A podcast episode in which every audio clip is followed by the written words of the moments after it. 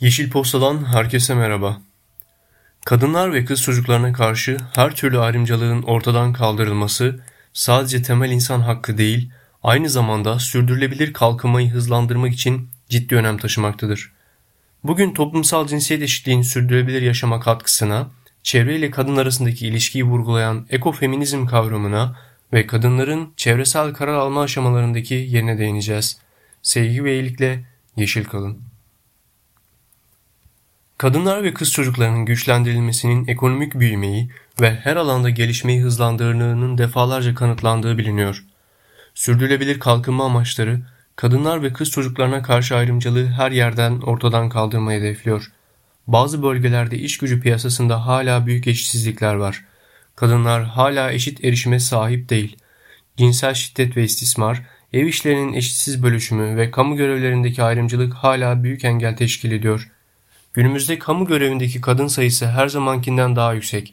Ancak kadın liderlerin teşvik edilmesi, toplumsal cinsiyet eşitliğinin daha ileriye götürecek politikalar ve mevzuatın güçlendirilmesine katkı sağlayacaktır.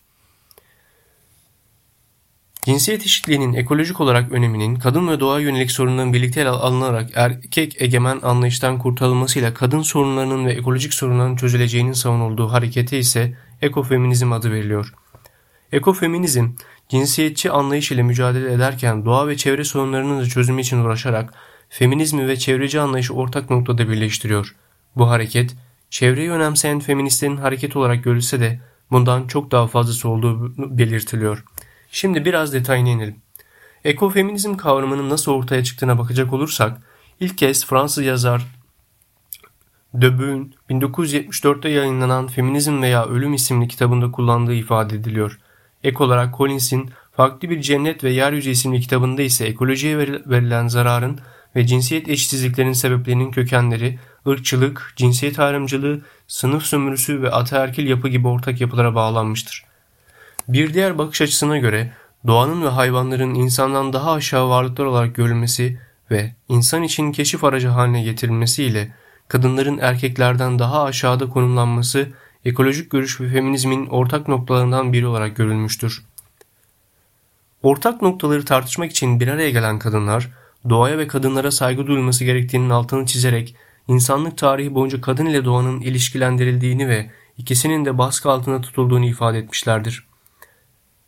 Son olarak çevresel karalma süreçlerinde ve oturumlarda cinsiyet eşitliği kadınların ve erkeklerin farklı bakış açılarının temsil edilmesini sağlar ancak Environment Gender Index verileri uluslararası ve ulusal alanlarda kadınların karar alma aşamalarında yeterince temsil edilmediğini gösteriyor. 2015 yılında Çevre Bakanlarının yalnızca %12'si ve Dünya Enerji Konseyi Başkanlarının %4'ü kadınlardan oluşuyordu. Gündem Enerji adısını duymuş olmanız var mı? Cevabınız muhtemelen hayır. Çünkü Enerji Adası projesiyle sürdürülebilir enerji konusunda daha önce denenmiş bir adım atılıyor. Danimarka, Kuzey Denizi'nde 3 milyon hanenin elektrik ihtiyacını karşılamaya yetecek kadar yeşil enerji üretecek ve depolayacak yapay bir ada inşa etme planını onayladı. Enerji adası olarak isimlendiren bu oluşum dünyada bir ilki temsil ediyor. Ekipten öneriler. Sevgililer gününe iki gün kala birlikte olduğumuz kişiye sevginizi nasıl gösterebileceğinizi düşünüyor olabilirsiniz. Peki dünya üzerinde yaşayan milyarlarca insanın bu özel günü kutlamak için birbirlerine çiçek hediye etmelerinin gezegenimiz üzerindeki etkilerinin neler olabileceğini düşünmüş müydünüz? İnsanların anlık mutlulukları için kesilmiş çiçekler aslında dev ölçülerde kirlilik ve karbon salınımını temsil ediyor. Aşkınız ne kadar büyükse pırlantanız o kadar da büyük olmalı sözüne katılıyor musunuz? Pırlanta yüzüklerin aşkın sembolü hale gelmesinin 1930'lu yıllarda yürütülmüş dev bir pazarlama kampanyasının ürünü olduğu belirtiliyor. Peki bu gelenek dünyamıza ve insanlara zarar veriyor olabilir mi? Sevdiğiniz kişiye sevginizi göstermenin anlamlı yollarından biri de onun adına dikilmiş bir fidan hediye etmek olabilir. 14 Şubat'ta bir fidan bağışlarım, büyüyüp sevgimizin bir anıtı olur diye düşünüyorsanız hediye seçenekleriniz arasında fidan bağışlamayı da ekleyebilirsiniz. Nil kıyısından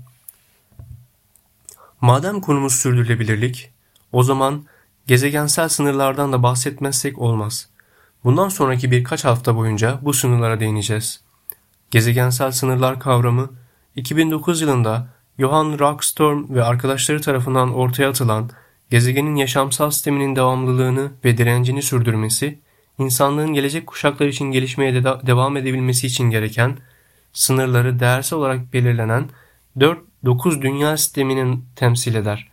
2015 yılında ise Will Stephen ve arkadaşları tarafından tekrar gözden geçirilmiştir.